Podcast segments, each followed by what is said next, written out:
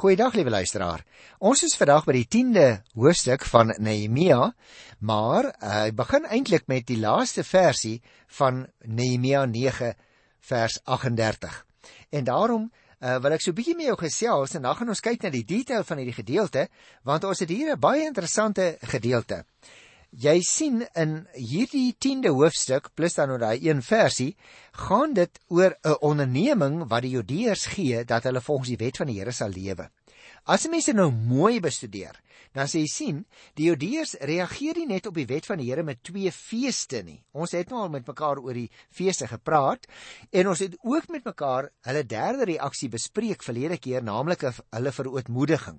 Maar nou kom hulle ook as dit ware met 'n vierde ding, 'n plegtige onderneming om die erediens by die tempel in stand te hou. Nou dit lyk dus vir my dat 'n mens kan sê in die huidige teksverband lê die kronikus 'n doelbewuste band tussen die vasdag en die gebed soos in hierdie hoofstuk en die onderneming dan wat hier beskryf word. Met ander woorde, hy is besig om vir ons te sê dat die verskillende godsdienstige handelinge nie los staan van mekaar nie, maar daar is 'n definitiewe verband tussen al die dinge wat gebeur. Net soos byvoorbeeld vroeër by die vasdag, is daar weer eens 'n spontane beweging wat uit die gelowiges ontstaan om hulle verbintenis met die Here te bevestig. Almal uit die volk, uit al die groeperinge wat daar is, uit die lofiete en die priesters en die leiers, hulle almal vat hande en hulle maak 'n gesamentlike onderneming om volgens die wet van die Here te lewe. Dit is byna dieselfde soort van gedagte wat 'n mens kry in die erediens wanneer 'n gemeente gesamentlik byvoorbeeld staan, sommige gemeentes sit wanneer hulle luister na die voorlees van die Here se wet of wanneer hulle gesamentlik belydenis van geloof aflê. Maar nou moet jy oplet, liewe luisteraar, dit gaan nie net om 'n leë rituele handeling nie. Juis as ons die vorige program en programme se gebeurtenisse in gedagte hou, ons het dit bespreek, dan blyk dit dat daar by hierdie mense regtig 'n ingrypende belydenis was wat ingegryp het in hulle verlede Hulle het die arm van die geloof teruggestoot in die tyd en gesê Here, ons was so dikwels ontrou en U was al die pad getrou. En dan het hulle eers met 'n belydenis gekom. En nou dat die belydenis klaar is, nou kom hulle en sê Here, ons het hierdie vaste voorneme om ons teenoor U te verbind vir die pad wat voorlê. En baie interessant luisteraar, hulle doen dit deur 'n amptelike dokument wat hulle opstel en onderteken. Nou wie as ek dit in die Bybel lees, dan uh, het ek waardering vir wat in sommige gemeentes gebeur waar gemeentes soms van tyd tot tyd hulle verbintenis om die Here te dien hernu. Uh weer vir die Here sê Here, ons het weer 'n keertjie nagedink oor wie U is en wat U seun gedoen het sodat ons u gemeente kan wees en ons hernu weer 'n keer van ons kant ook daardie verbintenis. En dit is presies wat hier gebeur, liewe luisteraar. Tot dusver het amptelike dokumente van die Persiese konings bepaal wat hulle moes doen. Dat hulle die tempel moes herbou, die muur van Jerusalem weer moes oprig, die gemeenskap weer herorganiseer. Nou neem die godsdiensgemeenskap uit eie vrye wil 'n besluit wat hulle wil doen. Hulle bind hulle self kontraktueel aan die onderneming om volgens God se wet te lewe en om daaruit voortvloeiend die diens aan die Here in die tempel te onderhou. Dit is dus 'n baie besondere gebeurtenis waaroor dit hier gaan in Nehemia se 10de hoofstuk. Hierdie was dus nie net al die voorskrifte wat daar in die wet van God opgeteken was nie.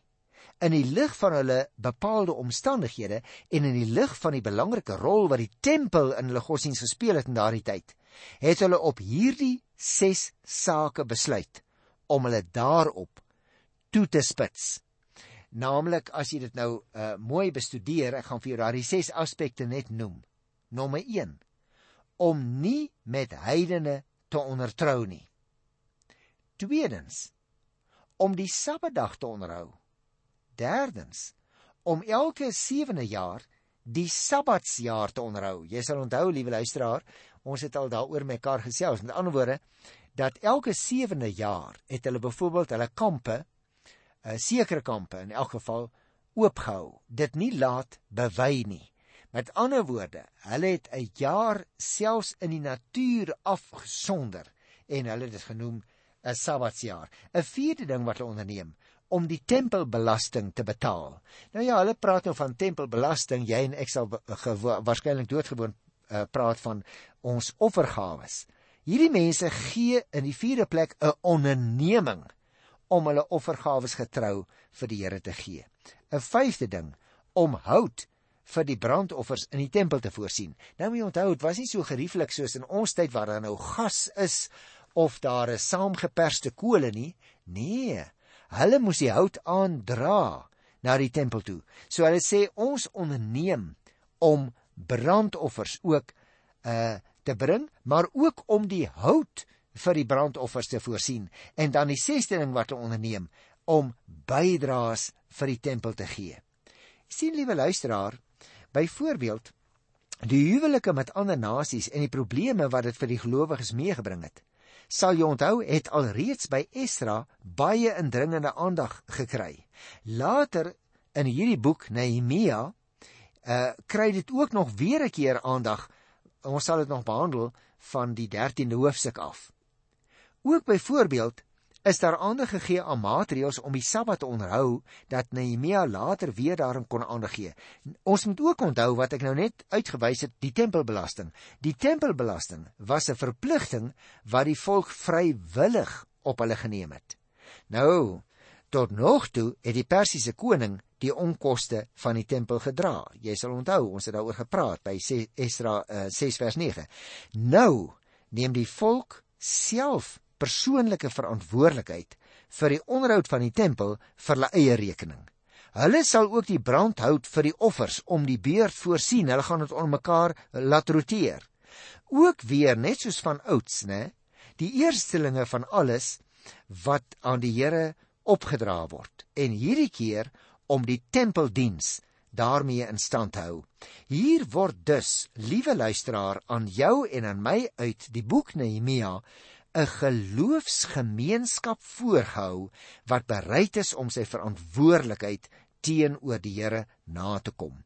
Elke lid van die gemeente was bereid om saam met die ander lede sorg te dra dat God se wet onderhou word en dat die konkrete diens aan sy naam by die tempel in stand gehou word en daarvoor was hulle bereid om hulle hand op papier te sit en hulle plegtig 'n eed te laat aflê teenoor die Here en wat doen hulle hulle onderteken dit elkeen persoonlik en dit nogal voorgetuies Die vraag wat by my opkom as ek hierdie aangrypende gebeurtenis lees in Nehemia 10 is dit is ek en jy bereid om presies dieselfde te doen vir die Here. Sê Here, ek onderneem op skrif. Ek gaan U dien. Kom ek wys 'n paar van hierdie goed in detail uit. Kyk byvoorbeeld in vers 30 staan daar. Verder het hulle onderneem. Ons sal ons dogters nie met die heidenvolke laat trou nie en hulle dogters nie met ons seuns nie. Jy sien alhoewel die verbond nou nie in hierdie teks gebruik word nie, het ons dus hier te maak met 'n vernuwing van die verbond. Hulle gee dus 'n wat hier genoem word onderneming. Of ons kan ook praat van 'n ooreenkoms wat as 'n wetlike dokument deur getuies onderteken is en daarna verseël is. Dit is dus baie belangrik dat ons sal oplet die volgorde van wat hier gebeur is leiers, leviete, priesters. Dit is die volgorde waarvoor ons hierdie dinge gereël word. En die 30ste vers is dus 'n ooreenkoms wat handel oor godsdienstige en kultiese sake. Daardie ondernemings wat ek net nou ook vir u uitgewys het. Luister so 'n bietjie na vers 31. Wanneer die heidene handelsware of graan op die Sabbatdag bring om te verkoop, sal ons dit nie op die Sabbatdag of op enige gewyde dag van hulle koop nie. Nou hier is 'n interessante mededeling want jy sien, die tweede bepaling handel oor die heiliging van die Sabbat soos in die 10 gebooie uiteengesit is. Nou in hierdie bepaling word om handel te dryf op die Sabbat verbied. Verder word selfs onderneem om elke 7de jaar, naamlik die Sabbatsjaar, die lande en die boorde onbewerk te laat sodat die grond kan rus, soos ek net vir jou verduidelik het. Nou mag jy dalk vra, liewe luisteraar, is dit nie net so direk op ons van toepassing nie? En dan is die antwoord nee, want jy moet onthou, in die Ou Testamentiese bedeling het jy 'n teokratiese bestel. Dit beteken God word gesien as die hoof van die staat. En ons is nie meer in 'n teokratiese bestel nie. In ons situasie onderskei ons tussen die Joodse Sabbat van die Ou Testament en die Nuwe Testamentiese Sondag. Nou, wat is die verskil? Ons onderskei die twee goed omdat ons vrygemaak is van die wettiese van die Sabbat. En wat is die gronde daarvoor? Nommer 1. Jesus het op die eerste dag van die week, dit wil sê die Sondag, het hy opgestaan uit die dood. Die tweede rede is omdat die Heilige Gees uitgestort is op die eerste dag van die week, die Sondag. En derdens omdat ons in die evangelies lees dat die Christene op die eerste dag van die week in onderskeid van die Jode op die sewende dag van die week het die Christene dus op die eerste dag van die week saamgekom. Daarom moet ons baie versigtig wees om soms van die vrygemaakte dag, mag ek dit so sê, van die Sondag weer te begin om 'n nuwe Sabbat te skep. Dat ons weer die Sondag wil toespin met allerlei reëls waaraan ons ons hou met groot stryd en las en moeite en verdriet. Die Here Jesus het juis gekom om vir ons 'n rusdag te gee wat so sê hy wat vir die mens bedoel is. En voeg hy by, die rusdag is vir die mens en nie die mens vir die rusdag nie. As jy en ek dus weer begin om allerlei nuwe reëls op te stel oor wat ons nou op die Sondag mag doen of nie mag doen nie, dan is ons besig om weer te val in die Ou Testamentiese wettisisme. En daarom wil ek beklemtoon die die hele gedagte ook van die handeldryf in vers 31 by Nehemia 10 kan ons nie net so oordra van die Joodse Sabbatreëling na die Nuwe Testamentiese Sondag nie. Kom ons lees vers 32 en 33.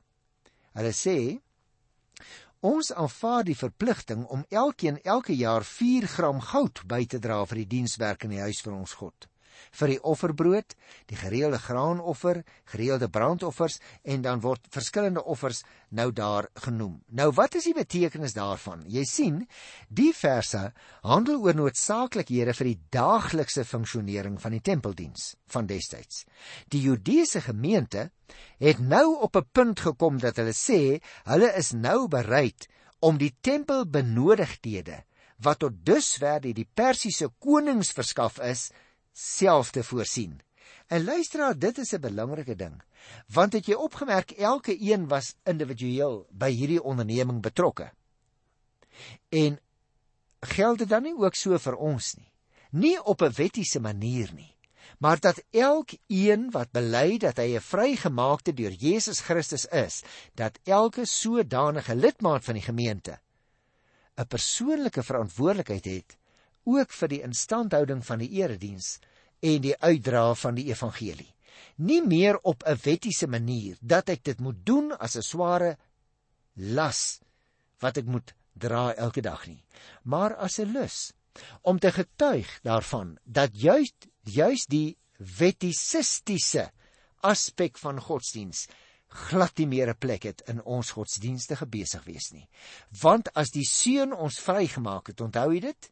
Johannes 8 vers 36. Dis eers as die seun julle vrygemaak het dat julle werklik vry is. O ja, luisteraar, vry van sonde, maar ook vry van hierdie ou stukke wettisisme wat ons dikwels nog steeds ongelukkig handhaaf in ons godsdienstige bedrywigheid en besig wees elke dag. En dan kom ons nou hierso by vers 34. Ons priesters staan daar, leviete, sowel as die ander mense het geloot om te bepaal wanneer dit elke familie se beurt sal wees om hierdie dinge te doen.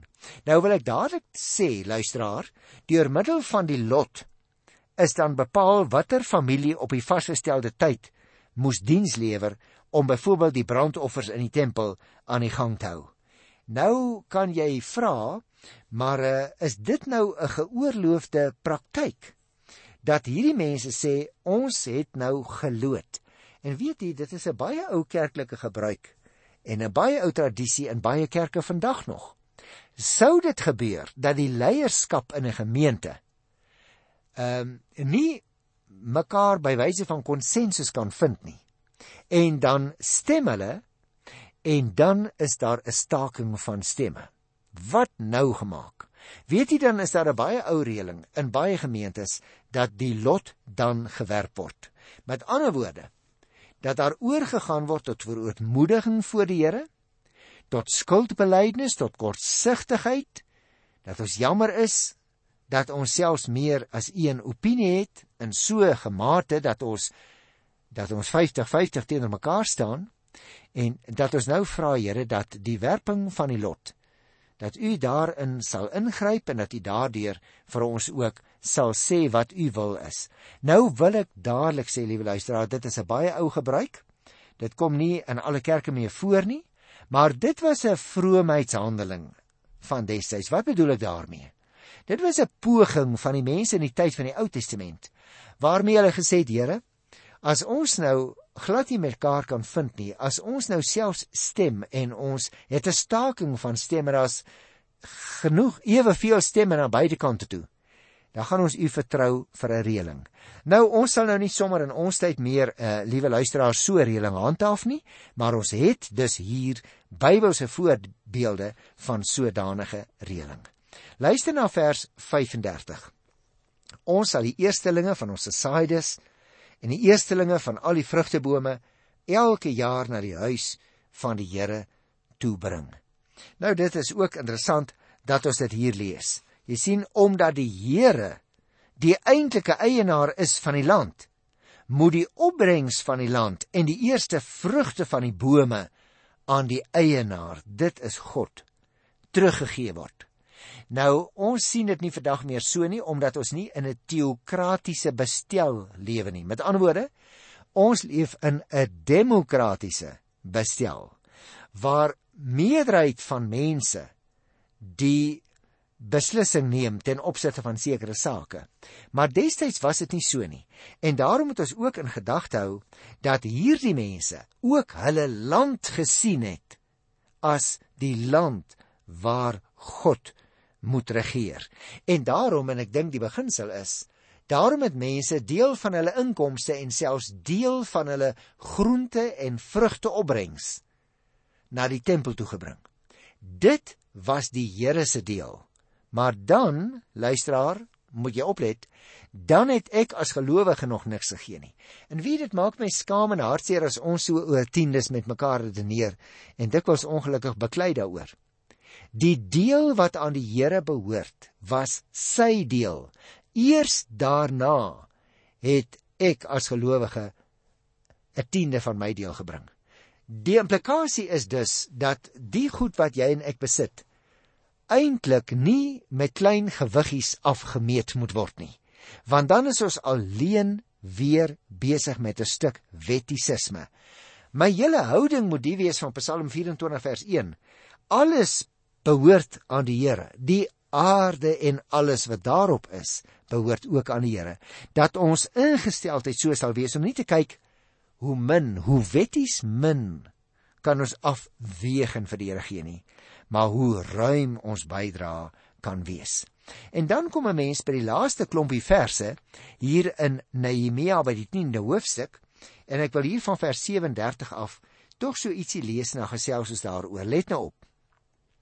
Ons sal die eerste dag na die oes ons offergawes en die eerstelinge van alles wat ons bome oplewer van ons wyn en olie na die opslagplek van die huis van God bring vir die priesters en die tiendes van ons saaides vir die leviete. Die leviete sal tiendes insamel in al die stede waar ons werk. 'n priester uit die nageslag van Aaron en die Lewiete vergesel wanneer hulle tiendes insamel. Die Lewiete sal 1/10 van die ingesaamde tiendes na die huis van God toe bring, na die opslagplekke by die voorraadkamer toe. En dan sluit hy af deur te sê: Die Israeliete en die Lewiete sal die offergawes van koring en wyn en olie na die opslagplekke toe bring. Daar word die gereedskap vir die heiligdom gebeere en daar is die diensdoende priesters, die poortwagters en die sangers. Ons sal die huis van ons God nie verwaarloos nie. En liewe luisteraar, dit lyk vir my die fokuspunt lê juis in die laaste sinnetjie. Ons sal die huis van ons God nie verwaarloos nie. Met ander woorde, dit gaan nie so seer letterlik oor die afmeet of die afweeg van die gewig of die omvang van die offergawe nie maar dit gaan oor die gesindheid wat sê ons sal onbevange aan die Here gee wat hy van ons verwag Ook interessant, die eerste deeg, né, wat hier genoem word, wat direk van die dorsvloer afkom met aanbode. Die offergawes van koring en wol, die eerste vrugte, die offergawes van wyn en olie moes as onderhoud aan die priesters toekom. En hierdie bydraes moes dan die opslagplekke van die tempel, dit is die kamers wat aan die tempel aangebou is, gebring word. Jy sien die leviete het die tiendes van die gesaaides, dit wil sê die opbrengs van die grond ontvang. Volgens die wetgewing in Deuteronomium byvoorbeeld, moes die tiendes na die tempel toe gebring word. Maar teen hierdie tyd het die praktyk verander en die Lewiete uitgegaan na die stede toe om die tiendes in te samel. Dit beteken dus in praktyk vandat die eerste tempel deur Salomo gebou is En onthou, Salomo het geleef tot so ongeveer die jaar 970 voor Christus. Nadat Salomo die eerste tempel gebou het, was daar baie spesifieke reëlings hoe en wat presies die mens moet bring as offergawes. Maar nou moet ons onthou, ons is nou 'n paar eeue daarna in die geskiedenis. Die ballingskap het al plaasgevind. Hulle het al teruggekom uit die ballingskap. Sommige van die praktyke moes weer opgeskerp word. Ander van die praktyke het hulle so bietjie na gelang van die omstandighede verander. Maar wat is die ding wat nie verander het nie? Die feit dat hulle offervaardig moet wees. En liewe luisteraar, dit is nou juist die presiese punt wat jy en ek nie moet miskyk nie. Ons is dikwels besig om te praat oor soveel rand in die maand. Soveel tyd in die maand behoort ek af te staan aan die aan die Here en aan sy saak. Nee. Dis heeltemal wetties. Al my goed, al my geld, al my gawes behoort aan die Here. Dit gaan dus nie oor die vraag hoe min daarvan ek tot sy beskikking stel nie. Die vraag is hoe baie daarvan kan ek aan hom tot beskikking stel. Jy sien die priesters en die leviete se voorrade is in die opslagplekke of in die voorraadkamers gebeere. Saam natuurlik met die gereedskap wat in die kultus gebruik is. Die kamers het natuurlik ook gedien as dienskamers waar die priesters en die sangers en die poortwagters gebly het as hulle 'n week lank byvoorbeeld in die tempel moes diens doen. Die volk onderneem nou plegtig om nie die kultus en dus die aanbidding van God te verwaarloos nie. En dit is wat vir jou en vir my ook so belangrik is. As 'n mens nou hart in eie hand steek, liewe luisteraar, Mag ek vir jou 'n vraag of wat vra? En ek glo die Bybel vra dit ook uit hierdie gedeelte vir my persoonlik. Hoe lyk my offergawe? Is my offergawe nie dalk die produk van 'n verkeerde ingesteldheid nie? Want jy sien as my ingesteldheid reg is, as my verhouding teenoor die Here reg is, dan meet ek nie meer af nie. Dan gee ek so ruim as wat ek kan dan gee ek ook wat my tyd betref so ruim as wat ek kan. Dan gee ek wat my gawes betref so ryk as wat ek kan. Mag ek nou weer die vraag vra? Hoe lyk jou offergawe in rand en sent? Hoe lyk jou tyd wat jy vir die Here gee? Hoe lyk jou gawes? Mens word bietjie skaam hè. Kom ons maak dit met die Here uit, elkeen persoonlik en dan leef ons as vrygewige mense ook teenoor die Here.